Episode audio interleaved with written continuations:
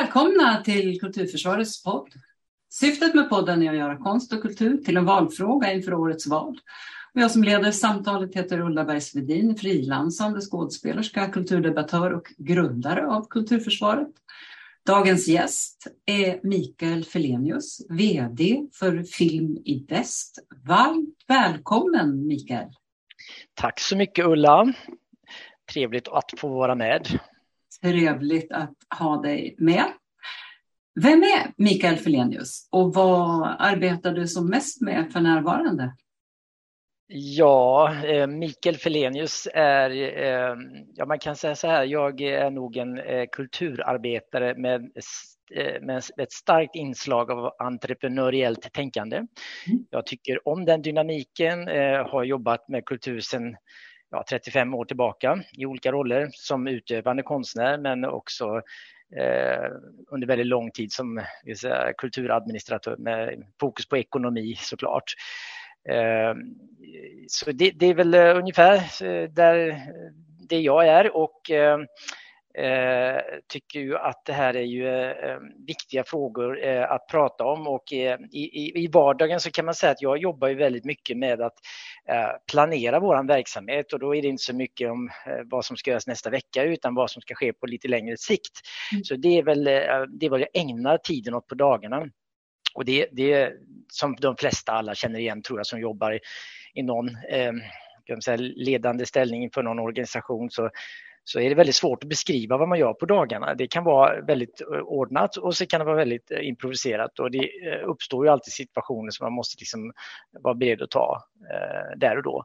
Men mestadels av tiden kan jag säga det, det handlar ju om att försöka eh, vara steget före och eh, inte bara fastna där utan också backa tillbaka och se till att alla Eh, kollegor och medarbetare i organisationen eh, hänger med. Eh, det är ju lätt att se saker fram, framför sig eh, på egen hand men man ska också se till att kollegor och eh, medarbetare också ser samma sak om man vill gå i en speciell riktning. Så mycket strategi, det är det jag försöker säga. Mm. Jag, jag har ju faktiskt haft dig som chef jag... Ja, det kan man säga. Ja. vi har ju jobbat ihop du och jag. Ja, ja vi. Jag, så jag vet ju faktiskt att du också är en eh, väldigt bra person att prata med när man, eh, när man har dig som chef. Det är faktiskt. Vad roligt att höra. Ja. Eh, men jag tänkte också, du sa förut att man måste backa tillbaka. Jag tänkte jag ville backa tillbaka till när du var barn och ung och fråga dig vad var det som gjorde att du blev intresserad av konst och kultur? Hade du med dig det när du var barn? Ja, lite grann då kan man väl säga att det, så är det ju för de flesta som eh, tror jag ägnar sig mm. eh, som, eh, som både du och jag eh, gör då åt eh, som ett, ja, ett yrkesval senare i livet så, så tror jag man många gånger stiftar bekantskap med, det här, med den här sektorn Eh, för att någon förälder har haft någon, eh, något kulturintresse eller varit utövande eh, kulturarbetare, konstnär eller mm. musiker eller vad det nu kan vara. Mm. I, detta, I mitt fall så var det på min mammas sida som eh, som tyckte väldigt mycket om musik eh, och spelade instrument och, och, på den vägen var det. Och jag, för mig, jag, jag var väldigt, väldigt begeistrad i fantastiska trumslagare på den tiden, så jag blev ju slagverkare sedermera. Men det, det började ju med ja, jazztrummisar som Buddy Rich och andra som många, många trummisar och slagverkare har haft som förebild i hela sin karriär. Så det började där och så att jag ganska tidigt började ju eh, söka mig till eh, musikskolan som det hette på den tiden. Eh, och eh, ja, började ta lektioner eh, i, slagverk och eh, på den vägen och kom ganska tidigt faktiskt underfund med att det här skulle jag faktiskt vilja göra i, senare i, i det vuxna livet. Så att ganska tidigt började jag pröva och söka in efter man hade hållit på några år naturligtvis. Men till eh, musikhögskolan ganska tidigt, kanske lite för tidigt ska jag säga. Men eh, det ena ledde till det andra och jag är född och uppvuxen i Borås och hade förmånen att få vara eh, elev i en väldigt, väldigt fin musikskola på den tiden. Mm. Eh, och eh, sen eh, när jag hade bestämt mig för att jag ville göra det här så sökte jag mig vidare till musikgymnasiet på Hvitfeldtska, Hvitfeldtska i Göteborg. Mm. och eh, läste klart gymnasiet där eh, och eh, sökte in till Musikhögskolan som jag kom in på eh, efter min gymnasiet. Eh, och på den vägen var det, eh, så där spenderade jag fyra år med ett uppehåll för eh, militärtjänstgöring som jag då gjorde i arméns musikpluton som ju firade 40 Aha. år i år faktiskt. Ja. det var första då arméns musikpluton som under ett, ett prövoår kan man säga för första gången samlades och det var ju massvis med härliga musiker som fick, då hade väntat på att det här skulle uppstå och få en chans att göra militärtjänstgöring samtidigt som man kunde upprätthålla eh, en hög nivå på musicerandet. Så det var ju många, många duktiga musiker, allt från eh, världsmusiker som Håkan Hardenberg, trumpetare, det är många fina proffsmusiker som sitter i landets symfoniorkestrar idag. På den tiden var det ju bara killar. Eh, men idag går det ju att göra militärtjänsten med musik eh, även för tjejer, vilket är väldigt positivt.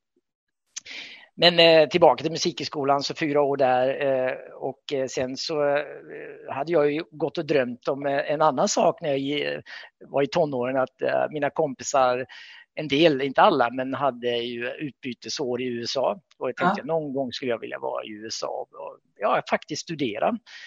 Så jag sökte vidare till en masterutbildning i, i, uh, i USA. Jag kom in på flera stycken och jag fick uh, som tur var också uh, bra med stipendier och ett väldigt viktigt stipendie som jag fick för att kunna möjliggöra de här studierna är Fulbright-stiftelsen. Det är en amerikansk och europeisk utbytesorganisation mm. som inte så mycket pengar kanske, men framför allt så är den ju väldigt, väldigt väl ansedd i USA. Så att har du ett sådant stipendie så öppnas ju i princip alla dörrar till alla universitet och det, det var så faktiskt. Så det var egentligen bara hej, jag är Fulbright-stipendiat och får jag börja studera och se.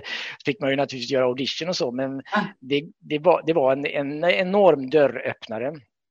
Så att eh, det, det, löste sig så jag åkte iväg och bodde i USA i två år i Cincinnati, Ohio, mid, ungefär i mitten av USA. Eh, rakt söderut från Cleveland och Chicago en stor stad. Men eh, där pluggade jag och hade jätteroligt och sen kom jag ju tillbaka och eh, jobbade med eh, som teatermusik på Stora Teatern. Mm. Och eh, sedermera då Göteborgsoperan.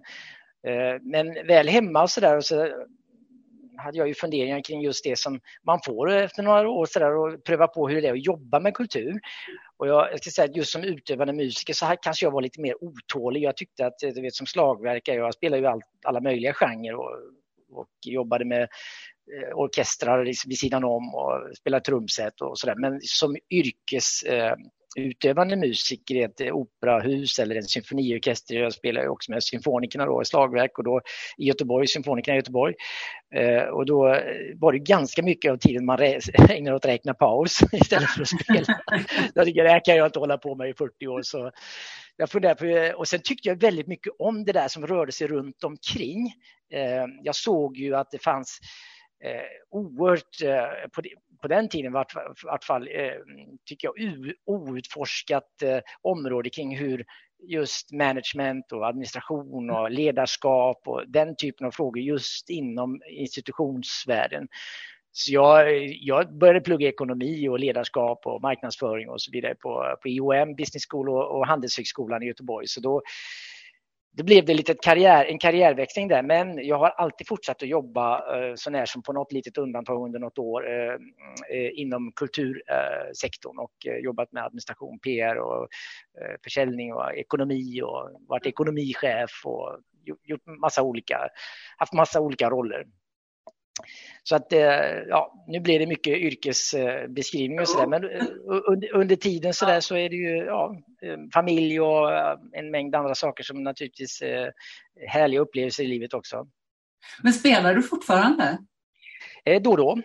Ja. Det gör jag och jag har, det är mest eh, trumset och lite slagverk i några sådana här, kan man säga, ceremoniorkestrar, lite ordenssällskap och sånt där som jag deltar i och det är jätteroligt och då, ja, då får man utlopp för det lite grann. Sen är det ju alltid det där med tiden som, eh, mm. eh, som påverkar möjligheten att, eh, att spela. Men jag hade gärna spelat lite mer, men just eh, sådär lagom tycker jag att det, det, det inträffar då och då.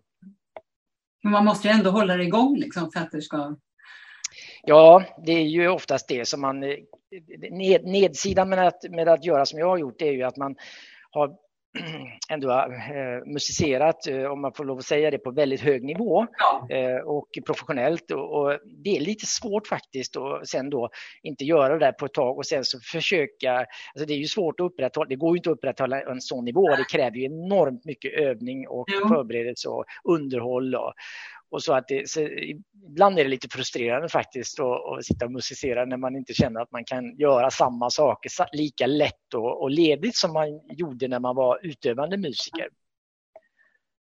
Så. Ja, spännande. Nu har jag en sån här obligatorisk fråga då. Och den lyder, varför anser du att det är viktigt att föra in konst och kultur i debatten inför valet som kommer nu snart? Ja, eh, jag tänker att det finns eh, ett par olika sätt att svara på den frågan, men jag, jag tänker att det, det kanske viktigaste om man nu sådär sista minuten och eh, eh mot alla odds eh, någon eh, politiker oavsett var man befinner sig på den här skalan eh, och ville ta en position, för det är tyvärr väldigt skralt tycker jag, med, och då menar jag alla över en kam, mm. med att verkligen uttala vad man egentligen tycker att kulturen tillför i ett samhälle. Och sett ur eh, demokratiperspektivet och eh, bildningsperspektivet så eh, finns det ju oändligt mycket forskning som ändå eh, understödjer och underbygger det faktum att eh, med kultur, tillgänglig eller för den sakens skull möjliga att utöva, så, så mår samhället väldigt mycket bättre. Och vi vet ju också att välfärdssamhället, det som vi så unikt på något sätt eh, har i Sverige, så välutbyggt och kanske bäst i världen, eh, tror jag inte riktigt inser hur stor eh, betydelse kulturen ändå har.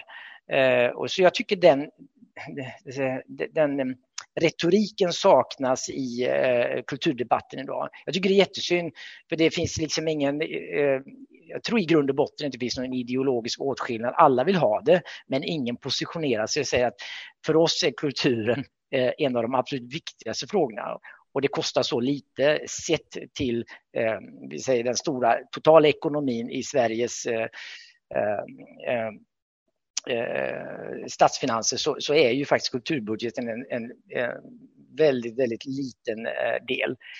Um, så jag, jag, skulle säga att det är ehm, av många, många olika skäl uh, enormt viktigt och det är eh, yttrandefriheten, demokratin eh, kommer väldigt mycket till tals genom kulturella uttryck mm. utan att gå in på eh, vem som sen i slutändan ska bestämma över hur kulturen ska formas och så. Där tror jag att i armlängds avstånd är jättehälsosamt eh, för eh, för kulturen att värna om det och att politiken är överens om det. Men jag skulle gärna se att man, eh, eh, vi får väl se om det blir några paneldiskussioner eller paneldebatter nu i, i eh, tv-rutan där någon kanske till och med vågar sig på att lyfta kulturfrågan som en, som en tillgång i det demokratiska samhället. Ja, det, jag väntar också med spänning på om det ska dyka upp. Du eh, tillträdde ju som VD 2017 i Filminvest efter att ha varit planeringschef sedan 2015.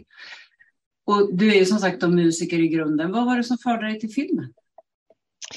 Ja, eh, egentligen så började det med att jag blev VD för filmfestivalen i Göteborg 2011.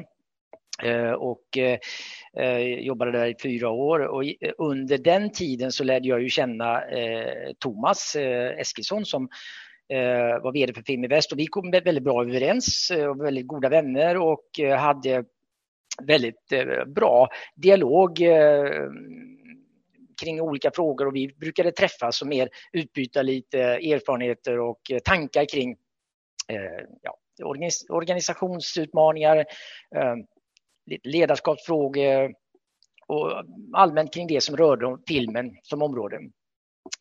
Eh, och eh, eh, Thomas eh, som ju hade varit med eh, länge, eh, har varit med länge i Filminvest och eh, började närma sig eh, en ålder där han tänkte att eh, jag vill inte liksom fortsätta den här rollen hela mitt liv ända till jag pensioneras, men jag vill göra lite andra saker. Så då, då började vi lite grann och prata och inledningsvis så var det ju mer att jag Eh, kunde hjälpa Thomas i organisationen som planeringschef och ansvarig för externa relationer. Och sen eh, ganska så snart därinpå så kom ju frågan hur, ska vi, eh, hur skulle du se på att eh, om jag tog ett steg åt sidan och gör lite andra saker, eh, skulle du vara intresserad av att... Eh?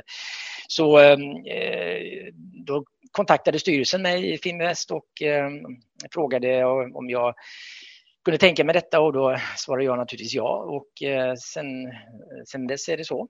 Mm. Men när, när du kom till filmfestivalen, var det, var det något du sökte dig till eller blev du så att säga rekryterad? Det gick genom en rekryteringskonsult eh, på den tiden. Eh, så vi var väl några stycken där som eh, var utvalda till, eh, eh, till att kandidera då i, i slutändan, ett par tre stycken. Men Eh, det, låten landade, eh, landade på mig och eh, det var jätteroligt med filmfestivalen. En, en viktig organisation som gör mycket för um, den både vill säga, smala och breda filmen men framförallt lyfter fram sånt som man kanske inte annars kommer i kontakt med som, som filmkonsument. Då. Så att det, det är ett väldigt efterfrågat och uppskattat, uppskattad verksamhet. Ja, verkligen film eh, är ju en relativt ung konstform ändå. Eh, vad tycker du att den tillför som inte övriga konstformer har? Ehm, ja, jag har haft förmånen att verkligen få jobba då med ett ganska brett fält, eh, teaterfältet eh, och framförallt musikteater och även Eh, eh, klassisk musik inom scenkonsten och eh, har ju, är ju ganska stor konsument av eh, kultur överhuvudtaget. Så jag har en del att jämföra med eftersom jag varit eh, aktiv i andra konstformer inom kulturen. Då. Men som relativt ung mm, konstform så, så, är det, så är ju såklart filmen Eh, alltså väldigt dynamisk och spännande på det sättet. Den har så många uttryck och eh, den är eh, väldigt mycket mer samtida än väldigt mycket av den eh, repertoar, om vi uttrycker det så, som eh, teatrarna eh, presenterar. Eh, och eh, man kan ju röra sig mellan framtid, eh, nutid, samtid och dåtid. Eh, det, allt finns ju med, det visuella, ljud och bild, eh, alltså uttrycken är ju enormt många. Sen är ju inte filmen en live-upplevelse på, på samma sätt som scenkonsten är. Men just det att den är så enormt, har en sån enorm spännvidd i, i i, eh, både i historien och i framtiden och i nutiden. Det, det tycker jag är liksom enormt uttrycksmedel. Och sen så tycker jag att filmen har en unik förmåga också att skildra andra saker än bara det som vi kanske eh, tänker på när vi eh, pratar om underhållningsdelen eller populärkulturen. Alltså det, eh, den kan också skildra väldigt många viktiga andra frågor, samhällsfrågor, dokumentärt och så vidare. Så det finns ju ett eh, enormt uttrycksfält och spännvidden är ju som jag sa enorm som jag tycker är så, härlig med filmen. Ja, dessutom har man ju börjat livesända ja, fantastiska operaföreställningar och annat. Verkligen, och, och opera och dans inte minst ja. från världens alla scener eh, ja. mer eller mindre. Så ja, jag tycker det, och det är ju framför, då är det ju biografen som ju står ja. för det eh, som, som samlingsplats. Så att, eh, ja. det är väldigt, väldigt härligt och det, det växer ju och kommer mer och mer uttryck och, och format och in, på, in i biografrummet. Det gör ju det. Ja. Film i Väst fyller 30 år, så varmt grattis till det. Tack så jättemycket. Och ni är en väldigt framgångsrik filmfond i Europa, representerade på de stora festivalerna med ständiga nomineringar till Guldbaggar och festivalpriser och ni har även vunnit flera priser både nationellt och internationellt för era samproduktioner. Vad skulle du säga är anledningen till det? Ja, alltså, jag får ofta den här frågan och mm. det enkla svaret vore ju väl att säga att ja, men vi gör ett bra jobb och det gör vi ju såklart.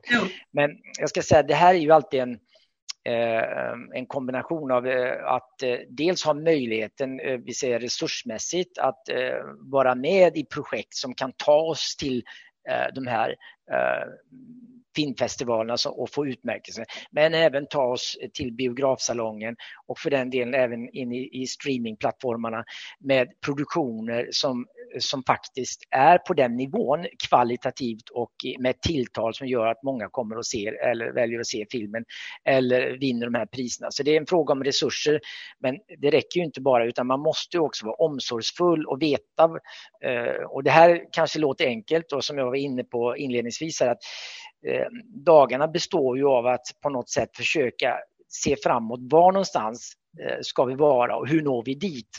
Och det är ju eh, en jätteviktig eh, ingrediens och del av arbetet eh, i alla organisationer.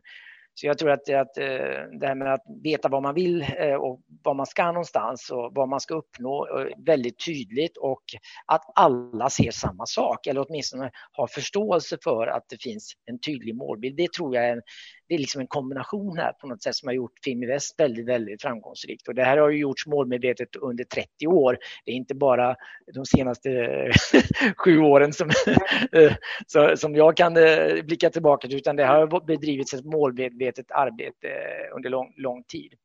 Och Eh, med en, eh, kan jag ändå lägga till också med en uppbackning från våra uppdragsgivare och ägare då som ju är Västra Götalandsregionen som också har genuint ända från start har satsat på eh, att vara en ledande filmregion i ett europeiskt perspektiv, inte bara i Sverige utan i ett europeiskt perspektiv. Och det, det är ju viktigt att ha en ägare som också ser det och vill det. Ja, Just det, för ni, ni finansieras ju av Västra Götalandsregionen och med det följer också vissa krav. Eh, det gör det. Mm. Vilka är det? Ja, alltså eh, det finns ju eh, ett, ett uppdrag som kommer med pengarna. Vad, vad ska vi uppnå för någonting? Och det är ju ganska enkelt kan man väl säga på ett sätt och vis, även om det innehåller olika perspektiv som också tar eh, ta med oss in i andra samhällsperspektiv och viktiga frågor än just det som är det konstnärliga och publika. Då. Men om vi börjar där så kan man säga att för, eh, den här, för finansieringen som vi har för att bedriva film, en filmfondsverksamhet så ska vi ju uppnå konstnärliga resultat och det visar ju sig genom att eh, få utmärkelser och eh, ehm, eh framgångar på filmfestivaler och då eh, är det ju vissa filmfestivaler som sticker ut lite mera. Mm. De mest prestigefyllda är ju Berlin, Cannes, och Venedig och Toronto och några stycken till. Så att, eh, lyckas vi där så, så lyckas vi också konstnärligt. Eh, det är ju ett nålsöga som ska igenom. Men det är ju lika viktigt och det går verkligen inte, står verkligen inte i något motsatsförhållande till varandra att eh, också vi når ut och angår en stor publik. Så mm, det här är en vågskål och ibland så är det väldigt tydligt att ja men fantastiskt bra på en filmfestival, gick inte så bra publikt, eh, eh, men ibland eh, förenas de här två och det går väldigt bra i båda leden. Och ibland så är det enorma publikframgångar men det, då är det kanske repertoar och produktioner som inte ens har haft, haft ambition att nå en, en filmfestival utan vi har helt enkelt bara sagt att nej, men det här ska en bred och stor publik se. Mm. Eh, men det, det, finns ju massa eh, eh, saker som följer med uppdraget också. Det är ju att eh, vi ska vara noga med att också jobba och verka för flera perspektiv och horisontella perspektiv, alltså en breddning i det att vi ska ha bra fördelning manligt och kvinnligt och mångfald och, och arbeta aktivt för det och det, det har vi gjort sedan många år. Så, såklart. Och sen sedan några år tillbaka så är ju miljöperspektivet också jätteviktigt. Så där jobbar vi ju eh, väldigt långsiktigt och eh, har kommit väldigt långt skulle jag vilja påstå eh, i båda de perspektiven. Det som skiljer oss kanske åt från andra offentliga verksamheter när det gäller mångfald och, och den frågan så, så, har ju inte vi lagt krav på någon samproduktion som vi brukar säga. Eh, att det ska vara eh, kvotering och eh, ett visst antal, 50-50. Vi, vi är nog av den ganska enkla uppfattningen och väldigt övertygade om att det här löser faktiskt, om jag får kalla det marknaden bäst själva. Och vi ser att det är precis just där när Eh, det, samtalet är igång och medvetandet ökar i de här frågorna, då kommer det naturligt. Eh, jag ska, så fort man börjar lägga på raster och mm, krav på att det ena än det andra måste uppfyllas, till slut så blir kraven så många så den konstnärliga bärande idén eh, får göra så mycket avsteg eh, eh, så att till slut så, så, ska man bara ticka i massa boxar om att okej, så länge vi uppfyller de här kraven så får vi pengar. Och då tror jag man har tappat den konstnärliga själen och eh, hela DNA i det man vill skapa. Och om konsten är fri så kommer konsten också ta, ta in de perspektiv som är så, såklart som är så jätteviktiga.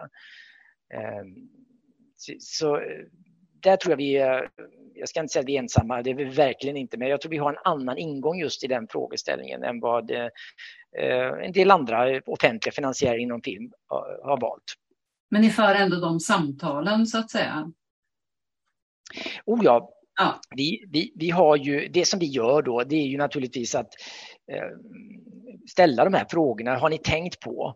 Eh, kanske inte, är det inte lite väl mycket eh, eh men om vi tar det som exempel i den här produktionen. Eh, har, du, har, du, har du tänkt att finns det ingen annan? Kan vi inte se att det finns flera eh, olika, eh, olika typer av representativitet som skulle kunna eh, ändå finnas. Ja, men det har vi inte tänkt på. Så att ofta är det ganska enkla samtal.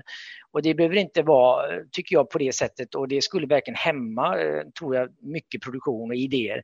Utan föra ett konstruktivt samtal och det är ju där det börjar. Mm. Och det brukar, skulle jag vilja påstå, sluta väldigt väl. Ja, just det, det har vi inte tänkt på. Ja, men det kanske vi ska prova. Mm. Och det tror jag också har varit vår styrka, att vara en, en speaking partner från väldigt tidigt till väldigt sent i produktionen tills dess att den till och med är färdigställd. Man ser ju också många västsvenska skådespelare i era produktioner. Ja, det är roligt. Och det är väldigt roligt, tycker jag. Ja, ja det är, nu kanske det var en ledande fråga här till, eh, du vill vara med snart i någon produktion förstår jag? Ja, gärna, jag, ja. Med, jag finns med i era, era register. Men ja. överhuvudtaget just att det är väl också en del eh, även när det gäller filmarbetare. Eh, det finns väl också med att ni, att ni ska ha med en viss del eh, som är ja. av era anställda så att säga. Ja, men eh, det är ju eh, med eh, våra insatser och finansiering i film så kräver ju vi att eh, man också använder pengarna och mm. omsätter de pengarna i regionen. Och det kan man göra på lite olika sätt. Man kan naturligtvis köpa varor och tjänster och man kan anlita filmarbetare som ju är bosatta eller verkare här i Västra Götalandsregionen. Och det gäller ju såklart skådespelare också. Mm. Så att vi ser ju gärna att att man använder sig av eh, skådespelare från Västsverige och så vidare. Så att, eh, eh, och det, det, det är ju eh, jättevanligt att skådespelare verkar faktiskt över hela landet. sen, är ju, sen är det en koncentration av media i, till Stockholmsområdet, så är det ju mycket av skådespelare i allmänhet har ju eh, flyttat till Stockholm på grund av många faktiskt rationella skäl såsom arbetstillfällen och så. Det är en, en större marknad men det är ju också eh, lite grann så det är med huvudstäder rent allmänt så det är inget unikt för Sverige. Men vi använder oss, ja, som svar på frågan, vi använder oss, eh, eller våra produktioner, samproduktioner använder sig väldigt mycket av västsvenska skådespelare, vilket och ni, man känner igen väldigt mycket när man ser våra samproduktioner. Så det är väldigt, väldigt roligt. Men att ni finns här gör ju ändå att det, ja, att det finns också produktioner som görs här där, ja. där det inte bara blir centrerat till ja. Stockholm det har ju ändå hänt en del på de här 30 åren. För om vi, om vi går tillbaka 30 år så, så kunde man väl eh, kan man konstatera att eh, hade vi tur så spelades det in en långfilm i Västsverige vartannat år av ja. en ren olyckshändelse. För ja, men det kan vara passa bra där. Och, men eh, idag så, eh, så genomförs ju merparten av svensk filmproduktion i Västsverige. Ja. Och vi har ju årligen runt 20-25 inspelningar av, av, spelfilm och dramaserier i mm. Västsverige varje år. Mm. Så, så, det är en enorm verksamhet och ett hårt tryck på, på arbetskraften också. Det ska vi ju faktiskt tänka på att arbets, filmarbetarbristen är ju jättestor till följd av det. Det är ett angenämt problem men den finns ju där. Precis. Vad skulle du säga att Film i väst betyder för regionen och även i viss mån Sveriges så kallade varumärke?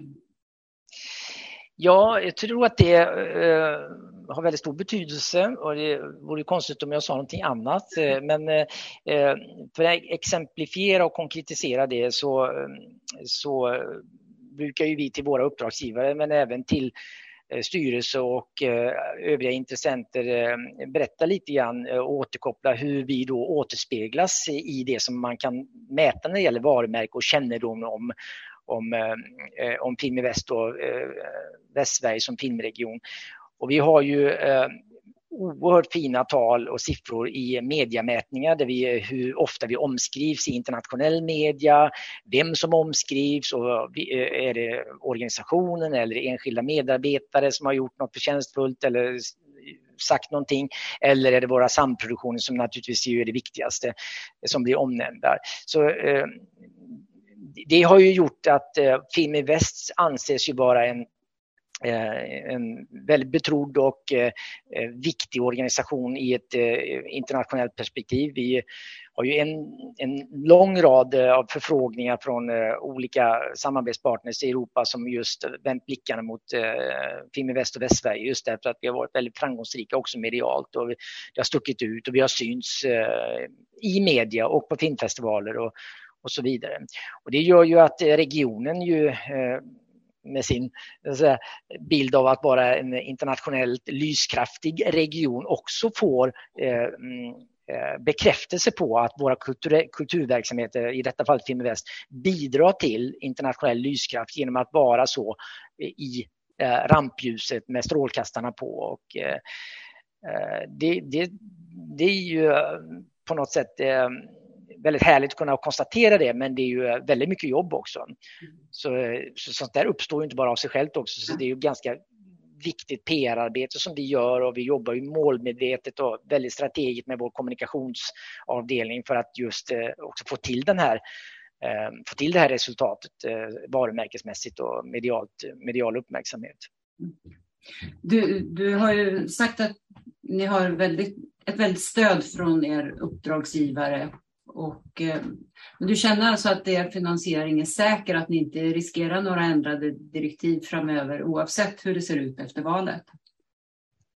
Ja, det skulle jag vilja påstå. Jag, jag, nu Västra Götalandsregionen, du känner ju den väl också det är ju en väldigt stor region och eh, i den särklass största regionen när det gäller kulturbudget. Eh, eh, så vi, vi, kan nog, vi ska ju inte glömma det att vi är, vi är och verkar i, i en eh, region som ju satsar enormt mycket pengar på kultur. Och det har ju varit viktigt ända från starten och bildandet av regionen att kulturen skulle ha en stor plats. Mm. Och det var ju ett, några politiker där som särskilt drev den frågan. Och jag tror att det arvet, eh, om jag lyssnar på politikerna som jag har kontakt med dagligdags eller i alla fall regelbundet i, i regionen i ledande ställning så, så tycker jag att det arvet på något sätt har tagits väl hand om eh, och man har fortsatt att eh, jobba för detta. Och jag tror att även här då eh, om vi pratar om eh, var någonstans så de här olika eh, partierna befinner sig eh, i, i ideologi och så vidare, så tror jag man är väldigt överens om Mm. i det politiska ledningsskiktet i vart fall, att kulturen har, spelar och har spelat så stor betydelse att det kommer man fortsätta att satsa på. Mm. Och jag har ingen, eh, och det kan jag säga utan att darra på manschetten, eh, har inte sett några eh, signaler på att något annat skulle vara förestående och, och oavs, oavsett maktskifte i, i Västra Götalandsregionen. Sen finns det naturligtvis alltid eh, röster och eh, debattörer som vill mer eller mindre kanske styra eller detaljstyra lite mer i kulturen av olika ideologiska skäl. Men det är en annan sak. I grund och botten tror jag det finns en ganska över hela linjen samstämmig uppfattning om att kulturen har en jättestor betydelse. Och även här på, på regional nivå så är ju ändå kulturen jämförelsevis med den stora budgeten i regionalt en ganska liten del. Ja, men det låter bra. Eh, du var ju inne på det här med att ni konkurrerar med övriga filmregioner i Europa om projekten. Så tänkte jag, jag måste bara fråga, vad, vad, vad, vad innebär det rent praktiskt för er i ert arbete? Ja, alltså det här är ju en, en fråga som har aktualiserats eh, även med de nya aktörerna på marknaden, det vill säga streamingbolagen då, ja. streamingplattformarna som ju eh, också etablerar sig lokalt eh, i, i, olika länder i stor, i, i, stor omfattning ute i Europa. Och på svensk mark så har vi ju de allra största redan tidigt nu på plats. Mm. och det gör ju såklart att eh, projekt som ju vi tidigare kunde ganska enkelt få till oss för att vi är en stor finansiär. Inte lika självklart kommer till oss. Därför att det finns andra finansieringskällor. Mm. Eh, till exempel streamingplattformarna som ganska eh, också väldigt snabbt eh, fattar beslut och är bra på det sättet att de sätter igång projekten ganska tidigt. Den gamla vill säga, finansieringsstrukturen och världen kanske stod för lite mer långsam eh, hantering och det var många eh, finansiärer som skulle hanteras för ett produktionsbolag. Så man kom till Film i Väst så skulle man gå, man gick till Filminstitut, man gick till Nordisk Film och TV, man gick till TV-kanalerna, eh, man kunde gå till, och så, såklart distributör skulle vara ombord och eh, egen finansiering från produktionen samt att eh, eh, man fick vända sig till eh, en europeisk finansieringskälla, Euromars till exempel. Och så att till slut var man kanske uppe i 7, 8, 9 stycken olika finansierande parter som alla har sina specifika krav då på olika sätt. Filminvest har ju sina hårda krav, Filminstitutet har sina, Nordfilm och TV ja, och så vidare och så vidare. Det har ju gjort att eh, ibland så känns det väldigt enkelt och skönt för en producent att gå till one stop shop. Man kunde gå till exempel till Eh, exemplet med Netflix då, så att eh, mm. ja, du får alla pengarna av oss. Eh, men kraven blir de här mm. och det är ju nedsidan då som jag tror man kanske som vi säger som utom, utanför filmbranschen kanske inte riktigt alltid förstår men det handlar om att man får sälja ut väldigt mycket och kanske i många fall helt och hållet ägande och immateriella rättigheter och så vidare till, till en enda part för mm. att ju få sin finansiering. Så det är, eh, det, är ett litet nytt landskap vi har att operera i och, det gör ju att Talang till exempel ju söker sig också till de här eh, plattformarna till exempel eh, och eh, det vi ser på spelfilmsidan är ju att Talang också har ju väldigt stor omfattning sökt sig till dramaserieproduktionen. Det är, det är, det är ganska mycket längre projekt och det liksom ger en långsiktighet och förutsägbarhet. Vad gör jag om ett halvår? Där kan man hålla på i flera år med säsong ett, två och tre och så vidare. Och, och, speciellt för manusförfattare skulle jag vilja säga att det är jätteattraktivt och lukrativt att, att, att uh, jobba med dramaserieproduktion. Mm. Just det. Eh, på er hemsida finns ju information om vilka stöd som ni kan ge till producenter av olika typer av produktioner, långfilm, dokumentärfilm, tv-serier. Och ni har just talangsatsningar och ni har också personal som stöttar på olika sätt. Det finns olika kriterier för olika stöd. Kan du bara berätta lite om er organisation och stödfunktioner och samarbetspartners med mera så att vi liksom får en bild av det? Ja, eh, det är ju ehm, ändå så att ehm, det handlar om att sätta in eh, ekonomiska resurser i olika projekt. Mm. Och för att göra det så behöver vi ju ha väldigt mycket kunskap om vad de här projekten består av. Och eh, rent organisatoriskt så har vi en eh, produktionsgrupp eh, som vi säger och den leds av en produktionschef som heter Kristina Börjesson som ju kommer från TV4 Simor eh, senast och dessförinnan Filminstitutet med en lång erfarenhet inom film och, och även eh, förlagsverksamhet. Hon leder den här gruppen och då har hon ju eh, Eh, ett antal medarbetare som tittar specifikt på internationell film. Eh, någon tittar på svensk film och dramaserier. Eh, någon annan tittar mer på talangsatsningar och vad det kan ge och även då med fokus på våra regionala unga och kommande talanger.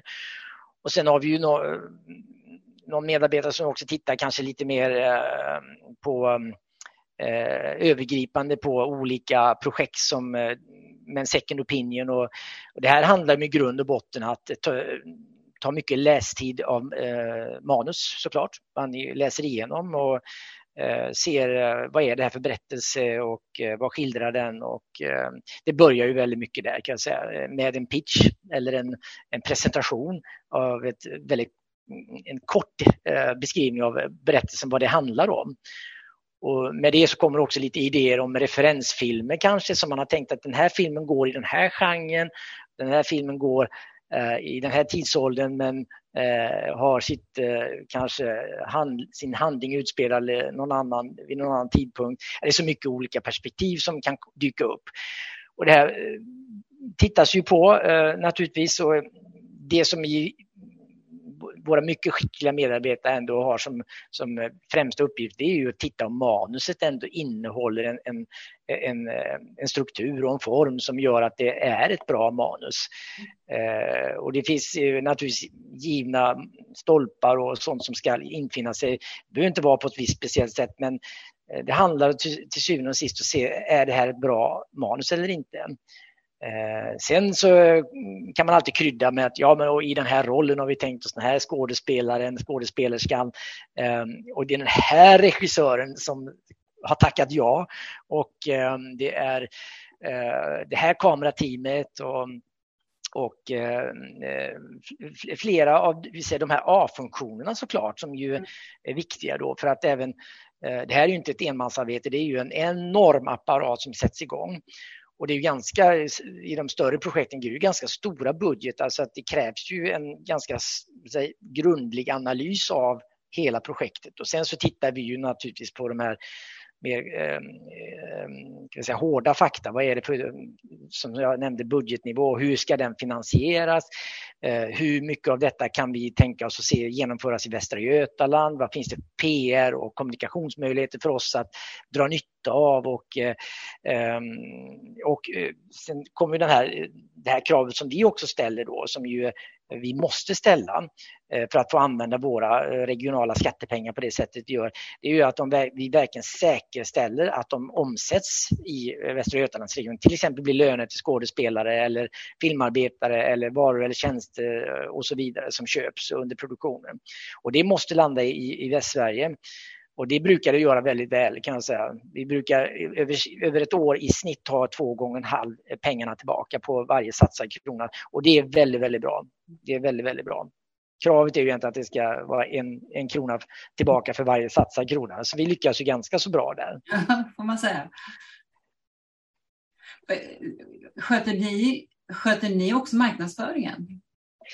Eh, alltså vi gör det i samarbete eh, med eh, produktionen och distributören då som ju egentligen har till ansvar att lansera filmen.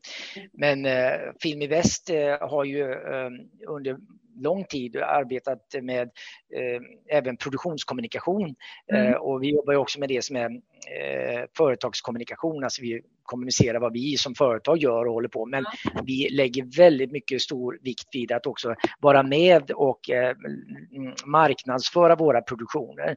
Men det är inte Film som har huvudansvaret för att eh, kommunicera, marknadsföra och nå ut till målgruppen som filmen eller dramaserien är tänkt att nå.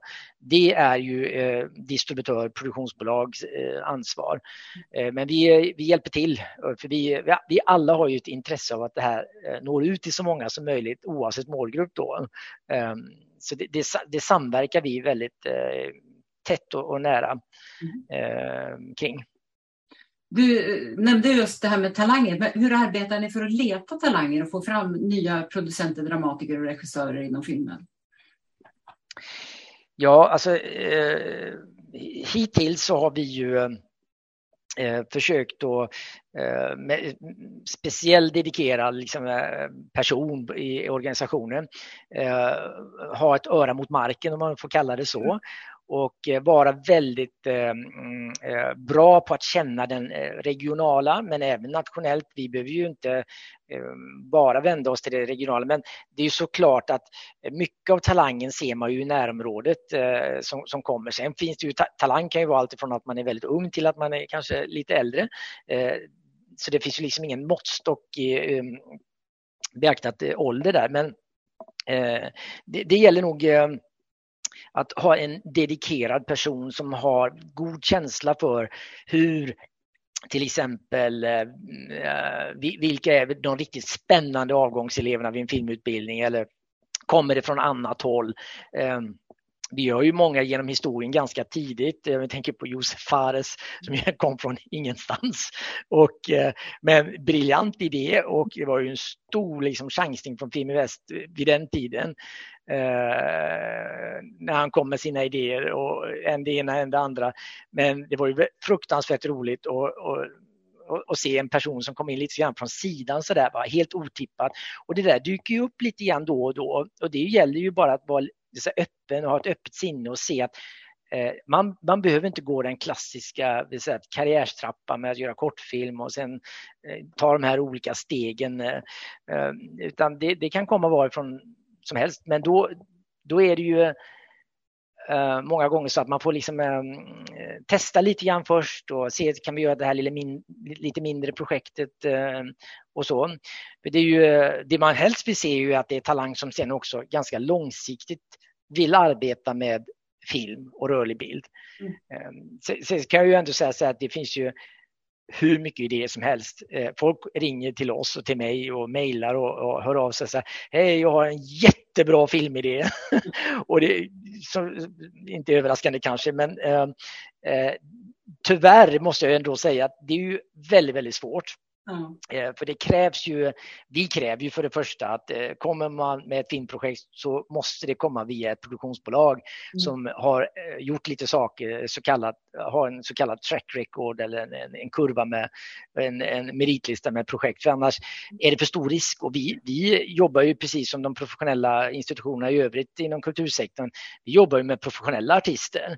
Sen kan idéerna mycket väl presenteras, så det är ju klart vem som helst får komma med idéer.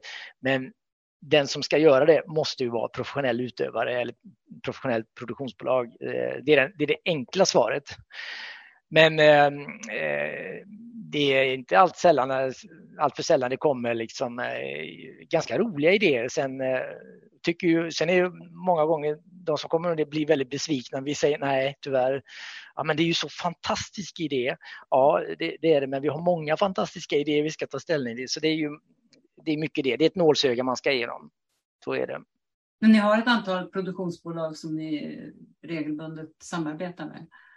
Absolut, det finns ju eh, både regionalt och nationellt och internationellt. Mm. Eh, de flesta vi samarbetar med är ju svenska bolag. Eh, men vi har ju många väldigt långväga eh, samarbeten med både Danmark och Norge. Eh, och framförallt har vi ju sett ett antal norska bolag växa fram på senare år och blivit väldigt, väldigt intressanta i sina speciella genrer. Då. Ehm, och med Danmark har vi ju haft ända sedan Film startade en väldigt lång relation med eh, ett par bolag som ju har varit fantastiskt duktiga på och gett Film faktiskt mycket av eh, ehm, internationell eh, närvaro genom att vara enormt framgångsrika och även publikt ska jag säga. Så vi har ju haft förmånen att få jobba med danskar väldigt länge och på senare år även med norrmän. Men Eh, på senare och kanske eh, med all tydlighet så har vi ju lyckats eh, med Göteborgs ursprung nå världseliten och då pratar jag såklart om Ruben Östlund som ju bor på Styrsö för övrigt och är ju en, en regissör och manusförfattare som vi har stöttat från allra första början, sin, ja, sina första kortfilmer och, och sedan alla hans långfilmer. Då. Och med sig i bagaget så har han ju två guldpalmer på rad. Och det är ganska, han är ju kanske bara en av nio personer i hela världen som har lyckats uppnå det. Mm. Inte två på varandra år följande då utan deltar på två, med två produktioner eh, som var eh, efter varandra och då har fått Guldpalm och det är ju något helt enastående. Så där, där har vi ju uppnått eh, en, en enorm framgång tillsammans med Ruben och hans team. Mm. Det har varit en fantastisk resa att ta del av och stå vid sidan om det och se allt den här framgången eh, uppnås på en, det är inte bara Cannes filmfestival då, där man vinner utan i eftermälet av det så är det ju närvaro över hela jordklotet vill ju att Ruben ska komma med sin film och, och representeras på det, just deras filmfestival. Ja. ja, det är väldigt roligt. Ja. När man ser eftertexterna till en film, om man sitter och ser på hela som jag brukar göra, mm. och eh, också tv-serier, så de, de är väldigt långa och utgörs bland annat av ett antal finansiär, finansiärer. Eh, kan du berätta lite bara kort hur det går till från idé till visning, ser en film eller en tv-serie och vilken är er roll då i den processen? När, när kommer ni in liksom och hur går det till? Ja, vi var inne på det lite grann tidigare, men ja. vi kommer ju in väldigt, eh, oftast väldigt tidigt. Vi ja. är ju bland de första som, eh, många gånger bland de första som säger ja. ja. Och det har ju också varit en framgångsfaktor. Eh, vi pratar om det också. Varför är framgångsrika? Jo, vi säger ja eh, och ger eh, grönt ljus, skriver fram en, en avsiktsförklaring. Vi kommer, vi kommer gå med och finansiera givet att allting faller på plats. Så det är en styrka i sig. Och när det är väl kan man väl säga när finansieringen av en idé, projektbeskrivning och så vidare, produktions Eh, framställan eh, är färdigfinansierad så eh, brukar det ta, mm, alltså den här processen till att det blir en klar film, den, det, det handlar om två till tre år. Ja. normalt. Eh, nu för tiden med streamingbolagen och streamingplattformarna så, så går det lite fortare. Eh, men eh, vi, vi, vi är med under hela resan och delaktiga så tillvida att vi ser alla manusversioner. Mm. och vi kommer med lite inspel och feedback och, och försöker då vara en, en aktiv part. Eh, och vi, vi har, har det som ambition och eh, ser gärna att vi får ha den rollen, för det är viktigt också. Det är ofta stora insatser vi gör och vi vill ju som finansiär kunna följa projektet, att det verkligen tar den riktning som det har presenterats eh, från början. Eh, sen så jobbar ju vi med eh, Eh, ehm, flera andra parter då. Vi ska ju också ha en relation med andra finansiärer och man ska ju komma överens om om den som går in med lite mer pengar och den typen av finansiering som Fiminvest eh, går in med, då får man också lite olika placering i eh, den eh, vid den tidpunkt filmen börjar spela in sina pengar. Då får man ju mm. tillbaka pengar också i produktionen eh, beroende på lite grann hur man har finansierat och med vilken typ av pengar man har finansierat. Våra pengar är ju eh, så kallade, vi kan kalla dem för hårda. Det innebär att det är en investering i ägandet av filmen och eh, vi tar ju del av intäkter. Eh, I den mån de kommer från biograf eller andra fönster. Så filmen kan ju säljas till andra territorier och så vidare. Så det blir en ganska lång intjänings, intjäningsfönster under en films livslängd. det kan komma intäkter från filmer som gjordes tio år tillbaka för att de har reportagesatts igen och spelats på biograf eller sålts till streamingplattformar. Så att det, det, är ett stort samspel med många aktörer och eh, distributören ska ju eh, ha sin Eh, del i detta och se till att filmen når ut, kommer till biograferna och eh, eh lanseras eh, såklart. Och, eh, där har vi mycket samarbete. Det är oftast ett, ibland också en, en PR-byrå involverad som vi ska samsas med eh, och eh, det ska göras premiär och vi ska ha en eh, regional premiär, det ska vara nationell premiär, det ska vara premiär på filmfestivaler, det ska ut på biograferna. Och, så det, det är ganska många aktörer som ska samverka och det det är tillsammans med alla som har gjort filmen så är vi, vi pratar ju många hundratals människor som ju på något sätt eh, under väldigt intensiv eh, produktionsperiod samverkar och samarbetar för att det här ska bli det färdiga resultatet. Så att eh, det är ju eh, en lång resa och eh, själva filminspelningen kanske inte är så lång. Eh, den kanske bara är 7-8 veckor. Och sådär. Sen är ju efterarbetet, eh, postproduktionen, all, alla specialeffekter och färgsättning och ljudpåläggning och ljudläggning av filmen och, och klippningen som inte minst kan ju göra en kanske en, en, en, svag film till ett mästerverk genom att klippas rätt. Eh, och tvärtom också, man kan ju klippa sönder en film också som från början var väldigt bra till att bli mindre bra. Eh, så just den delen är ju eh, jätteviktig. Uh, så, så det här är ju en ganska komplicerad process. Uh, men, det... men då, att man vill liksom kolla så att det, det blir det som man var med och bestämde sig för att finansiera och så. Men om man då ser till alla dessa finansiärer, hamnar ni någon gång i konflikt med varandra om vad det är man vill vara med och liksom kolla upp så att det blir som man har tänkt sig? Um, nej, jag, jag, skulle säga att det är väldigt sällsynt faktiskt. Eh, för egentligen brukar det inte vara, det kan hända, det händer ju naturligtvis någon gång då att det inte alls blir som man har tänkt. Och, och då Eh, då, sker ju ofta det i dialog. Då brukar ju alla, de flesta ha ungefär samma uppfattning. Mm. Och då brukar ju det där handla om ehm, att man man försöker tillsammans göra någonting åt det, ge det lite mer tid. Mm. Eh, vi, vi, försöker då, för jag tror att ehm, det är inte så att man ensidigt säger så att ah, men det här är ett fantastiskt, eh, alltså det är en fantastisk produktion och så sitter finansiären och tycker något diametralt olika. Så är det ju aldrig. Utan det handlar lite grann om att ja, men det här har inte riktigt kommit, finns inte riktigt den där spänsten i det, liksom inte influensen där rytmen eh, eller den dramaturgiska bågen har inte blivit riktigt det man har tänkt sig. Mm. Då, då finns det ju alltid möjlighet att ändra det och, eh, och klippa och lägga om och, och det, det handlar om att komma med konst, tror jag, många gånger att utan att alltså man kommer med konstruktiv feedback helt enkelt eh, från, eh, eh, från, från den här sidan då. Mm.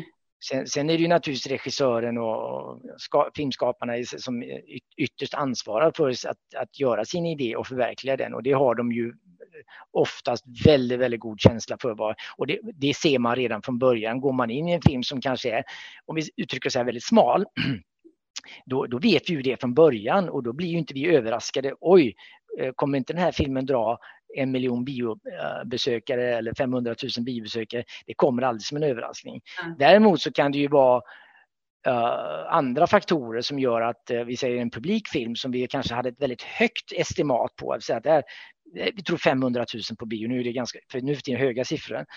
Och så kanske den bara gör 150, då, då klart att då, då har vi ju eh, missat någonting. Eh, och då har vi antingen hamnat i en eh, situation som till exempel efter corona, biopubliken vågade inte riktigt komma mm. tillbaka i den, eh, av, av eh, logiska skäl helt enkelt. Man vågade inte gå in i slutna rum på det sättet som man gjorde innan pandemin.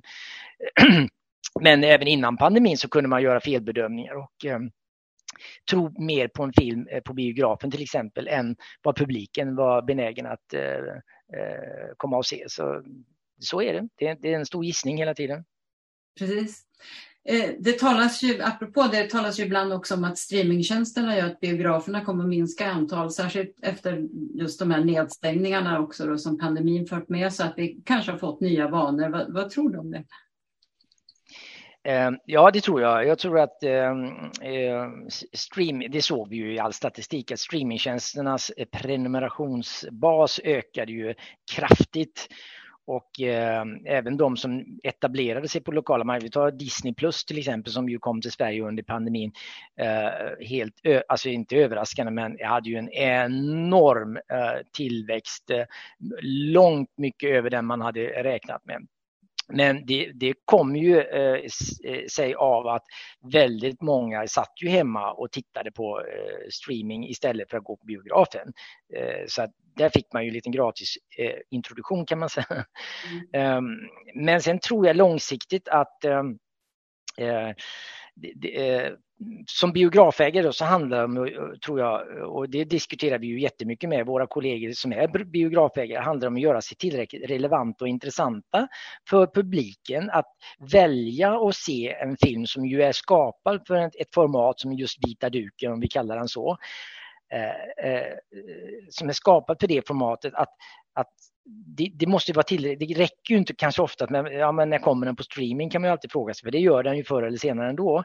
Utan man ska ju också vilja komma till ett rum och en, en miljö som, som är inbjudande och, och eh, eh trevlig för eh, publiken att uppleva en, en filmupplevelse tillsammans i. Och där har vi ju kanske i Sverige halkat efter. Eh, eh i den, vi är en, det är en ganska monopolistisk eh, situation med Filmstaden som absolut störst eh, aktör. Kanske inte riktigt har hängt med och, och uppgraderat sina salonger på det sätt som våra grannländer, eh, Norge och Danmark har gjort. Eh, där har man ju faktiskt varit väldigt mycket tidigare ute med att investera i eh, nya stolar och lite miljöer och byggt om sina foajéer och gjort det mer eh, som, lite mer som när man kommer till teatern. Eh, mm. Man kommer till en härlig foajé där det finns andra saker att erbjuda biopubliken än, än bara popcorn och godis som vi känner till väl i Sverige. Så jag tror att det, det, det är inte så svåra saker man uh, behöver göra. Uh, sen är det ju såklart att biografbesök har ju blivit dyrare. Det är ju ändå ett nöje som är förhållandevis är förhållandevis billigare än att gå och se en teater. Men för en familj, ofta, oftast, många går ju på bio i hela familjen och tycker att det är ett härligt familjenöje. Men eh, nu börjar biobiljetterna komma upp och vi säger att man ska köpa för 150-160 kronor, så att man är fyra, det är 600 kronor, så ska det ätas lite. Ja. Så det, det, blir ändå lite pengar och det, det, kanske man bara gör någon gång då och då. Mm. Så, och det kan man ju jämföra med liksom att ha Eh, Netflix-abonnemang för 100 spänn eller vad det är lite drygt i månaden och så kan hela familjen och tjocka släkten sitta i soffan och titta tillsammans. Ja, det, är inte så svårt att lista ut att det är så här.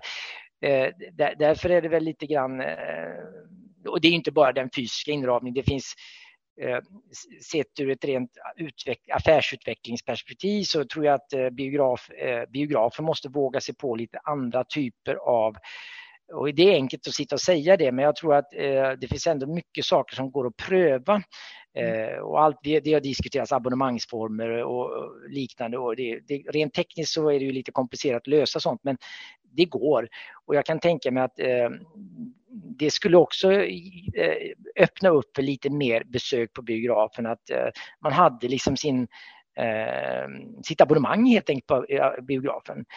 Och det finns många som har tänkt kring eh, att man kanske skulle eh, låta algoritmer och såna här, eh, säga, nya eh, eh, logiker styra lite grann. Man kan rösta på hur många vill se den här filmen just eh, på fredag kväll och så vidare. Så kanske man kan styra reportagen. Nu är detta lättare sagt än gjort i biografmiljö, men, men jag tror att man måste tänka lite grann på att det som ändå lockar eh, filmtittaren idag, det är att när du vill eh, precis kan slå på av din film och uppleva den i hemmet utan att behöva planera och åka, ta dig ut eh, utanför dörren. Det, det, det, finns många konkurrensfördelar eh, i streamingvärlden som ju biografvärlden måste liksom fundera på hur kan vi möta upp eh, för att ändå göra biografbesöket Eh, attraktivt eh, att fortfarande komma eh, för att komma till biografen och uppleva filmen istället för att sitta hemma i soffan. Mm. En annan fråga, kvalitet och konstnärligt kontra publik. Du har varit inne på det lite grann här innan. Finns det en sån strikt linje som det kan verka ibland i debatten? Och vet man det innan filmen visats? Mm, ja, alltså jag, jag, jag, brukar ju säga att jag tycker inte att eh, vi, vi, någon gång pratar i, om detta som i ett motsatsförhållande. Antingen väljer vi ett konstnärligt projekt eller så väljer vi ett publikt projekt. Vi skulle ju aldrig välja än det ena än det andra. Eh, om vi, vi börjar med det publika då, om vi säger att vi, vi ser att det här är ju en, en eh, romantisk komedi eh, som ju vänder sig till liksom en bred publik med förväntningar om en, en, en eh, eh, stor biopublik så är det klart att eh, den måste ju innehålla en viss typ av berättande för att den ska bli i, i den genren och eh, en, en romantisk komedi. Och då, då tror jag eh, det vore kanske lite dumt att inte inse då att du kan ju göra romantisk komedi eh, med hög eller låg kvalitet. Och det är ju bara att gissa sig till vad vi tror skulle vara kravet för att den ändå ska bli en publik framgång, det är såklart hög kvalitet. Uh-huh. Det går ju inte att göra en, en, en eh, underhållnings, vi säger mer av underhållningsreportaren, om vi kallar den så, eller en, en publikfilm med låg kvalitet. Det, det, har ju visat sig också att det blir inte heller bra. Så hög kvalitet eh, gäller ju både för eh, eh, publik och konstnärlig film. Och när det gäller konstnärlig film då, så, så tycker jag att det handlar väldigt mycket om att där, vår, där handlar det om att kanske berätta berättelser som är, som är lite mer, eh, mm, som kanske är svåra att berätta eller berör ett särskilt ämne eller kanske bara en reflektion över ett tillstånd. Det kan vara någonting långsamt men är gjort med så finurlig liksom, ingång och berättelse berättarkurva eh, och att man skickar ett budskap och säger här handlar filmen om, men det vi vill säga är ju detta och då mm. får man en, en, en kvalitet eh, som jag tror också kan locka eh, en, eh, en väldigt stor publik som just är intresserad av den typen av berättande. Eh, och sen brukar också våra eh, vi säger så kallade arthouse-filmer eh, kanske inte eh, går så jättebra på biografen om, när de hamnar där. Men globalt sett brukar de ju gå eh, tillräckligt bra för att eh, den ändå ska ha en, en, bra ekonomi i slutändan. För att den, upp, den röner så stor uppmärksamhet globalt eh, istället för på en lokal marknad. Så att eh, marknaden finns för både säga, publik och eh, konstnärlig film. Den konstnärliga filmen kan ju ha lika många, kanske många gånger fler eh, eh biobesökare än en publik eh, svensk underhållningsfilm.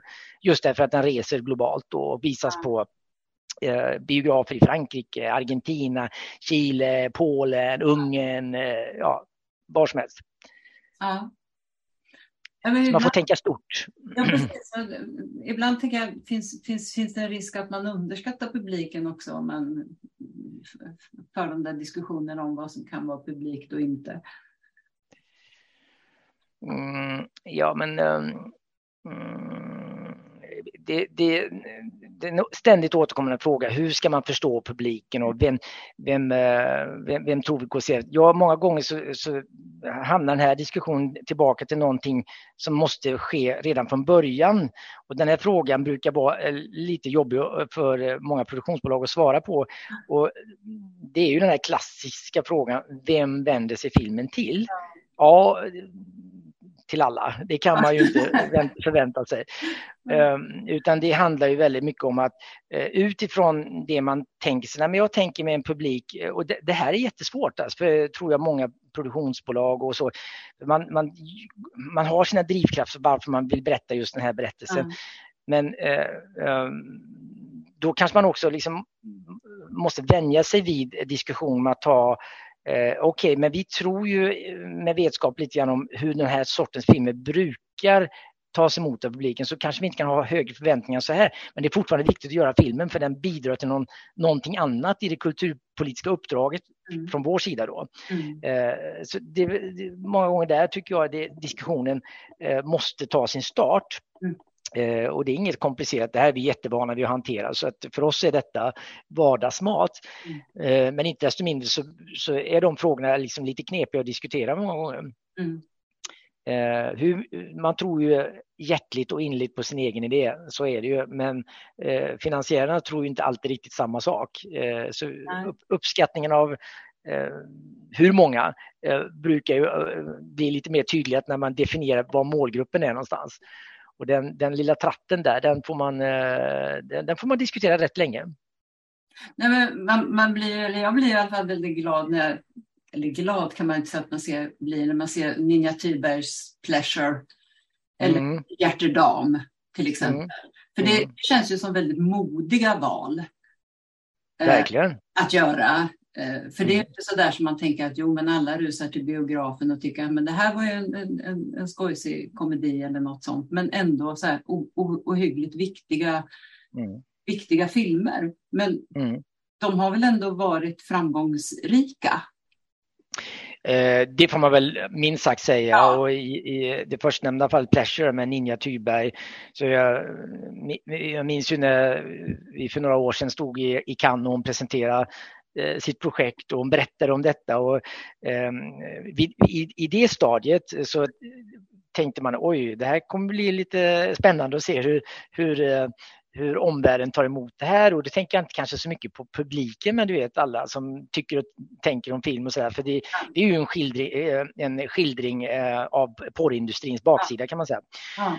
Och eh, på det sättet Ninja har gjort detta och hur hon har eh, valt att eh, dramatisera det utan att det upplevs som en dokumentär tycker jag är mästerligt gjort av Ninja. Ja. Hon, hon, är ju i grund och botten, och sen hon har berättat för mig, eh, alltså akt, motståndare var väldigt emot detta och har försökt hela tiden, men nu har hon också velat skildra det här då, hur det ser ut i den verkliga världen i, i, i, i Kalifornien och i Hollywood eh, där den här industrin eh, ju är som störst. Och då tycker jag hon har verkligen lyckats med det på ett eh, fantastiskt sätt. Och den här filmen har ju faktiskt, eh, precis som många av våra andra framgångsrika eh, filmfestivalfilmer, eh, transporterats över en lång rad filmfestivaler världen över och varit mycket uppskattad. Sen är den jobbig att se. Ja, fruktansvärt. Den är men, jättetuff. Men viktig.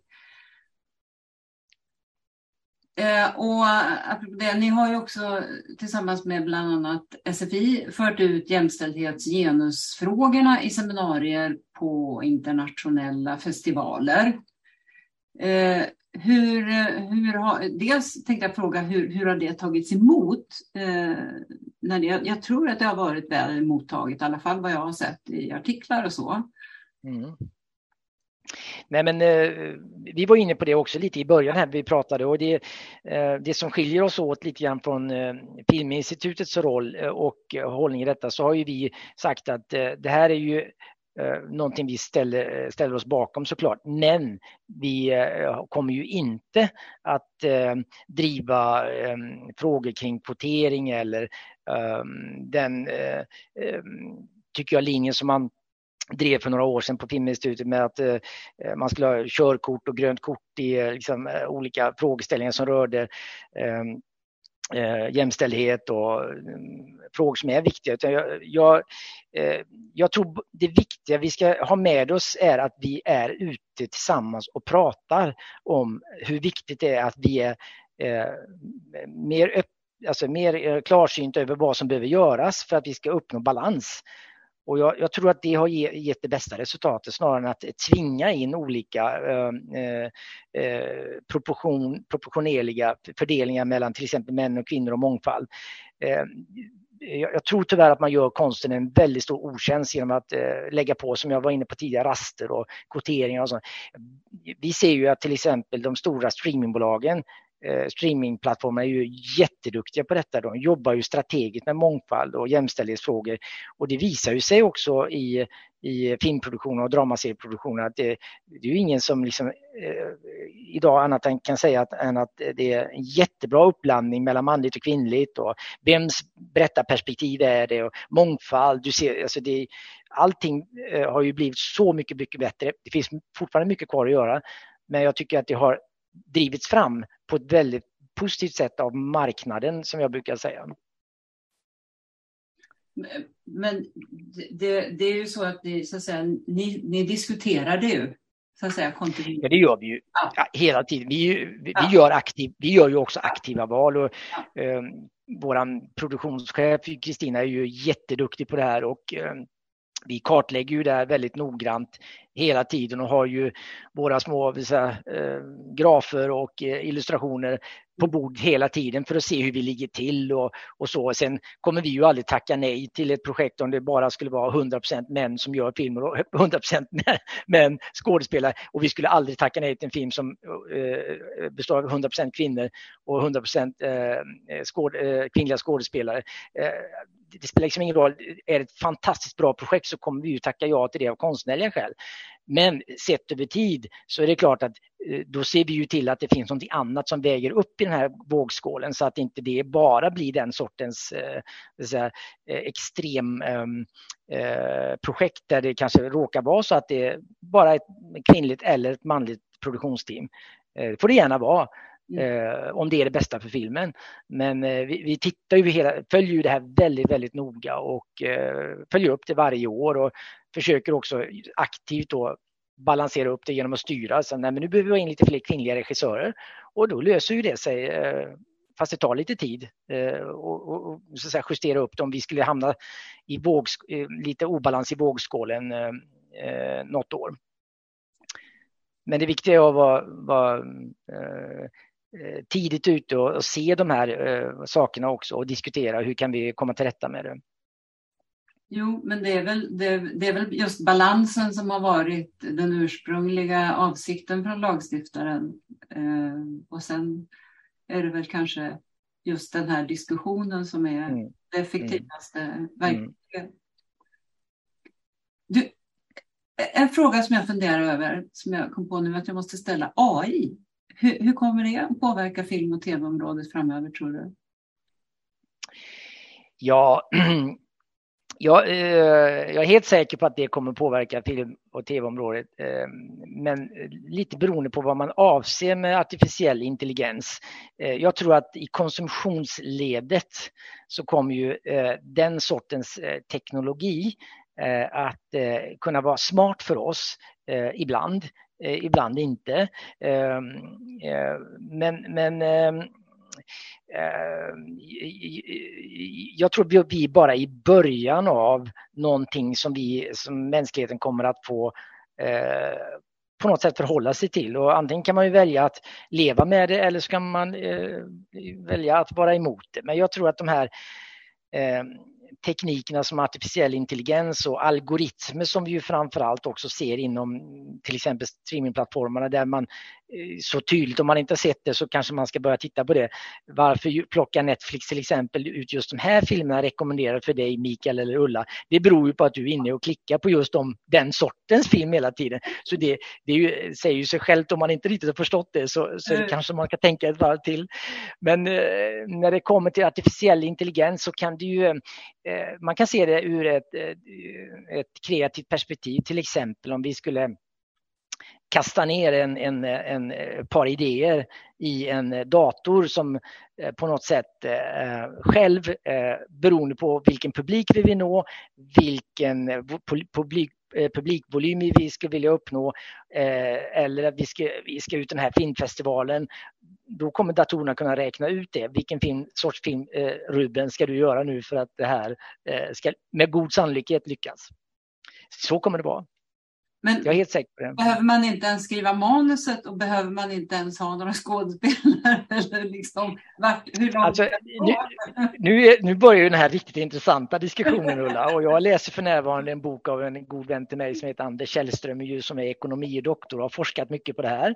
Ja. Och han, han gör ju en framtidsstudie om artificiell intelligens och eh, hur robotar ändå tar över och eh, vi, vi egentligen kan bli passiva medborgare och leva på medborgarlön och sådär.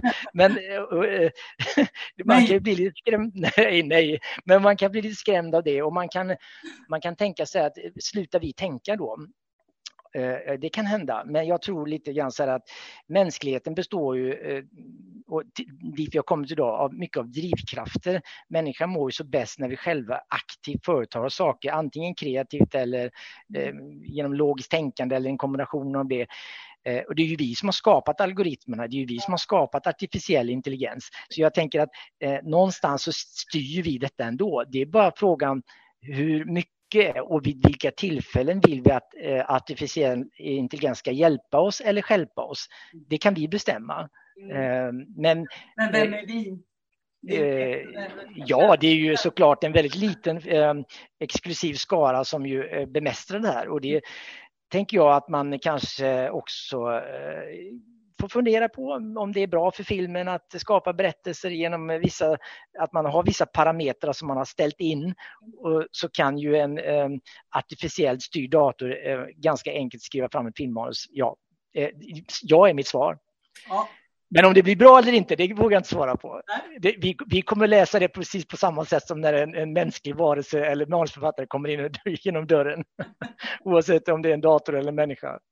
Det kan jag garantera. Du, eh, Sverige har en bra position i världen när det gäller teater eller scenkonst för barn och unga. Det vet ju du lika väl som jag. Hur ser det ut när det gäller film? Eh, för barn och unga så eh, eh tror jag att det är en liten eh, knepig utmaning framöver vi har ju vi har haft jättefina barn och ungdoms, eh, framförallt barn för mindre barn då, men eh, vi kan ta allt från Bamse-produktionerna till Linda Hambecks Apstjärnan och, och många av hennes jättefina eh, barnproduktioner men det är ju en, en, eh, en framtid vi vet väldigt lite om. Om vi bara tittar hur barn växer upp idag när man får sin första iPad då, när man är fyra eller fem och ja, ägnar liksom större delen av sin vakna tid eh, för att mamma och pappa ska få lite ledigt så sitter man med sin iPad och, eller mobiltelefon och, och tittar på, ja, och det börjar ju redan i ettårsåldern, det vet vi ju att man sitter och tittar på de här små eh, roliga eh, tecknade grejer som, eh, och det har vi gjort även fast på lite annat sätt när vi var små men det har ju blivit en sån enkel eh, och tillgänglighet för barn och unga. Eh, rörlig bild då, eh, där tror jag liksom att eh, det kommer gå mycket snabbare. Det är väldigt mycket, eh, om man ska nå den gruppen och fundera lite grann på, kommer de någonsin att ta sig in i en biograf? Jag tror att de är väldigt obenägna, om jag får säga använda det uttrycket, att gå in i en biograf och sitta i 120 minuter och titta på en, en spelfilm. Jag tror att det blir svårt faktiskt. Det kanske är någonting vi ska förvänta oss att vuxna gör för att man tycker att det är ett härligt sätt att träffas och umgås och uppleva upplevelser tillsammans framöver. Barn och unga, jag tror att där kommer eh, filmen, eh, oavsett vem man gör den på, i vilken åldersgrupp, den kommer konsumeras på de plattformar de växer upp med. Det tror jag. Mm. Ja. Och jag, jag, tror tyvärr att det, eller rättare sagt, jag kan bara konstatera att jag tror att man får förhålla sig till det och acceptera det. För det är, vi, vi, har, vi har kommit så långt i utvecklingen att, att det är det som vi... Eh, vi hade ju inte det när vi var eh, små. Eh, därför eh, såg vi på bio. Vi gick på bio även när vi var ganska så små. Nu, nu är det eh, andra saker som möjliggör eh, konsumtion av rörlig bild och då får man förhålla sig till det helt enkelt. Så där eh, tror jag vi inte riktigt eh, sett allt som kommer ske i framtiden men eh, där är nog en, en stor del av den yngre målgruppen, barn och unga framförallt, de, de kommer använda sina mobiltelefoner framöver helt och hållet. Man får bara fundera på hur man, hur, hur, man, hur man gör innehållet så att det ändå ger, ger något substantiellt. Ja, absolut, så är det ju. Eh, till en helt eh, annan fråga här. Film Väst har ju tillsammans med hela branschen länge drivit frågan om så kallade produktionsrabatter. Det verkar som om en effekt av pandemin blivit att ni slutligen fått gehör för det. Kan du berätta vad det är och varför det är så viktigt för svensk filmproduktion? Mm. Det är ju um, någonting som vi varit väldigt engagerade i under lång tid och produktionsrabatter är ju kan man säga en, en injektion i en produktion Eh, med eh, mjuk finansiering för att eh, bidra till att stimulera filmproduktion i ett, i ett område eller territorium eller land. Sverige har inte haft produktionsrabatter fram, eh, ända fram tills nu då för till förra hösten och det fattades beslut om att införa detta och så under våren har man då tagit fram ett Eh, Eh, ett regelverk eller ett förslag till hur det här ska då användas av eh, svensk och internationell filmbransch att, eh, att växa. Och det, man kan säga att det är en väldigt attraktiv finansiering för den, den är ju, det är ett stöd som ges eh, um, i, i proportion till hur mycket man eh, ämnar spendera i ett, i ett område. Och den, den utgör en ganska viktig del av finansieringen i de flesta produktioner världen över.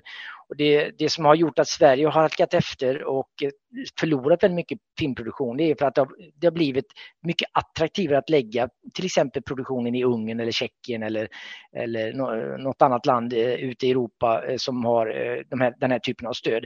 Det är ett väldigt attraktivt sätt att finansiera filmen. Men nu har vi detta på plats och eh, eh, regeringen fattar ju det slutgiltiga beslutet om hur det ska se ut eh, den 25 augusti nu. Och sen så kommer det här att startas under hösten och då kommer de här, eh, som det i dagsläget är 100 miljoner, pytsas ut där, eh, där produktioner då kan söka, produktionsbolag kan söka finansiering ur den här potten nu för 2022. Och ja, finansiera delar av sin film med de här pengarna. Då. Så eh, i Sverige så kommer man på 25 procent eh, är ju förslaget eh, av det som man kan spendera i ett område. Och det är något jättepositivt för Sverige så vi kommer ju att ehm, se att fler svenska produktioner väljer att förlägga sin hela sin produktion i Sverige istället för att ta ut delar av den till andra länder. Och sen kommer vi ju förhoppningsvis också se en del internationella produktioner som väljer att lägga sin produktion i Sverige. Och det här skapar ju mycket arbetstillfällen och sysselsättningen ökar och det är klart det sätter lite press också på systemet för att det kommer bli än mer svårt att rekrytera filmarbetare och så eftersom produktionstakten ökar ju. Men eh, det får vi ändå betrakta som ett angenämt eh, problem om man får lov att kalla det så. Ja, det låter ju fantastiskt men eh, vet, du har ju sagt också att svenska filmarbetare har gott rykte så att eh, det borde ju kunna bidra till att man eh, vill lägga produktioner från andra länder här. Ja, vi, våra filmarbetare eh, har ett väldigt gott rykte och anseende. De är jätte, jätte kompetenta och duktiga och pålitliga och kommer till arbetet och gör väldigt, väldigt professionellt arbete. Och vi har dessutom i Sverige eh, lagar och regler, vi har kollektivavtal och, och saker som är hygien, stora viktiga hygienfaktorer som gör att det blir eh, ganska så enkelt att eh, förlägga filmproduktion i Sverige. Och, eh, det, det, tror jag en, Sen, det är klart att löneläget är lite högre här än i vissa andra länder, men å andra sidan så effektiviteten är ju enorm i Sverige. Vi, våra filmarbetare är väldigt, väldigt skickliga och duktiga och kompetenta på alla sätt och vis. Sen finns det ju eh, en baksida, en baksidan eh, i, i den yrkesrollen är ju att det är ju det är mycket projektanställningar och det är väldigt slitigt eh, och obekväma arbetstider och, och eh, lite ryckigt fram och tillbaka. Så där. Men, men eh, inte desto mindre så eh, har det hittills fungerat men vi har fortfarande en utmaning i det att vi, vi behöver ju kunna locka fler att välja den, det, göra det yrkesvalet så att vi inte gå kort om filma, duktiga filmarbetare framöver.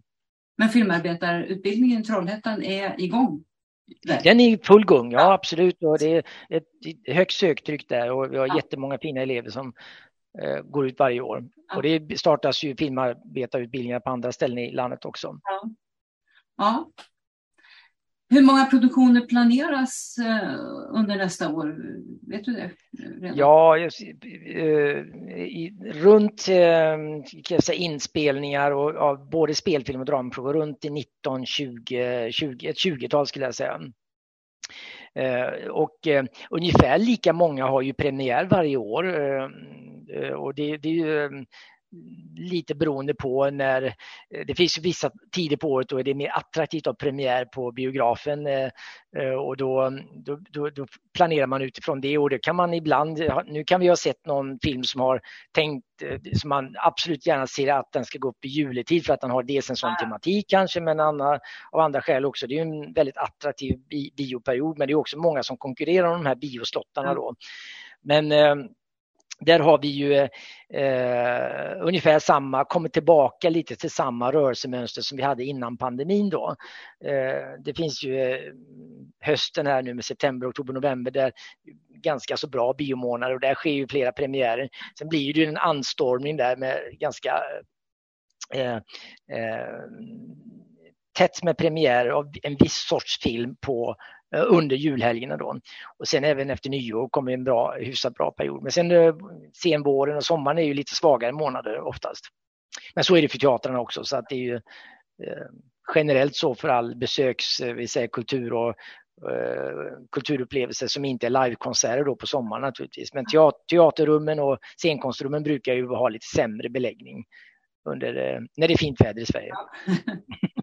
Men alltså ni sam, västs samproducerande bolag producerade både film och tv-serier när pandemin härjade som bäst. bäst. 15 film och tv-drama och två animerade. Med tanke på de förhållanden då som du var inne på som ofta råder under filminspelning så är det oerhört imponerande. Hur var det möjligt? Ja, eh, jag, jag vi kan nog bara förklara det enkelt med att vi eh, i Sverige som ju, som vi alla vet, eh, som ett ganska unikt land i att hantera pandemin, eh, möjliggjorde ju faktiskt att mycket verksamheter kunde fortsätta. Det som inte gick eh, under någon, en, en längre tid eh, under pandemin, det var att bedriva biografverksamhet. då, Men det säger ju sig självt, för där var ju, det var ju likadant för alla med begränsningar i publikantal och så vidare. Och biografen stängde ju helt ner under eh, en ganska lång period. När det gäller inspelning då så var ju där fanns ju inte de här undantagen på samma sätt.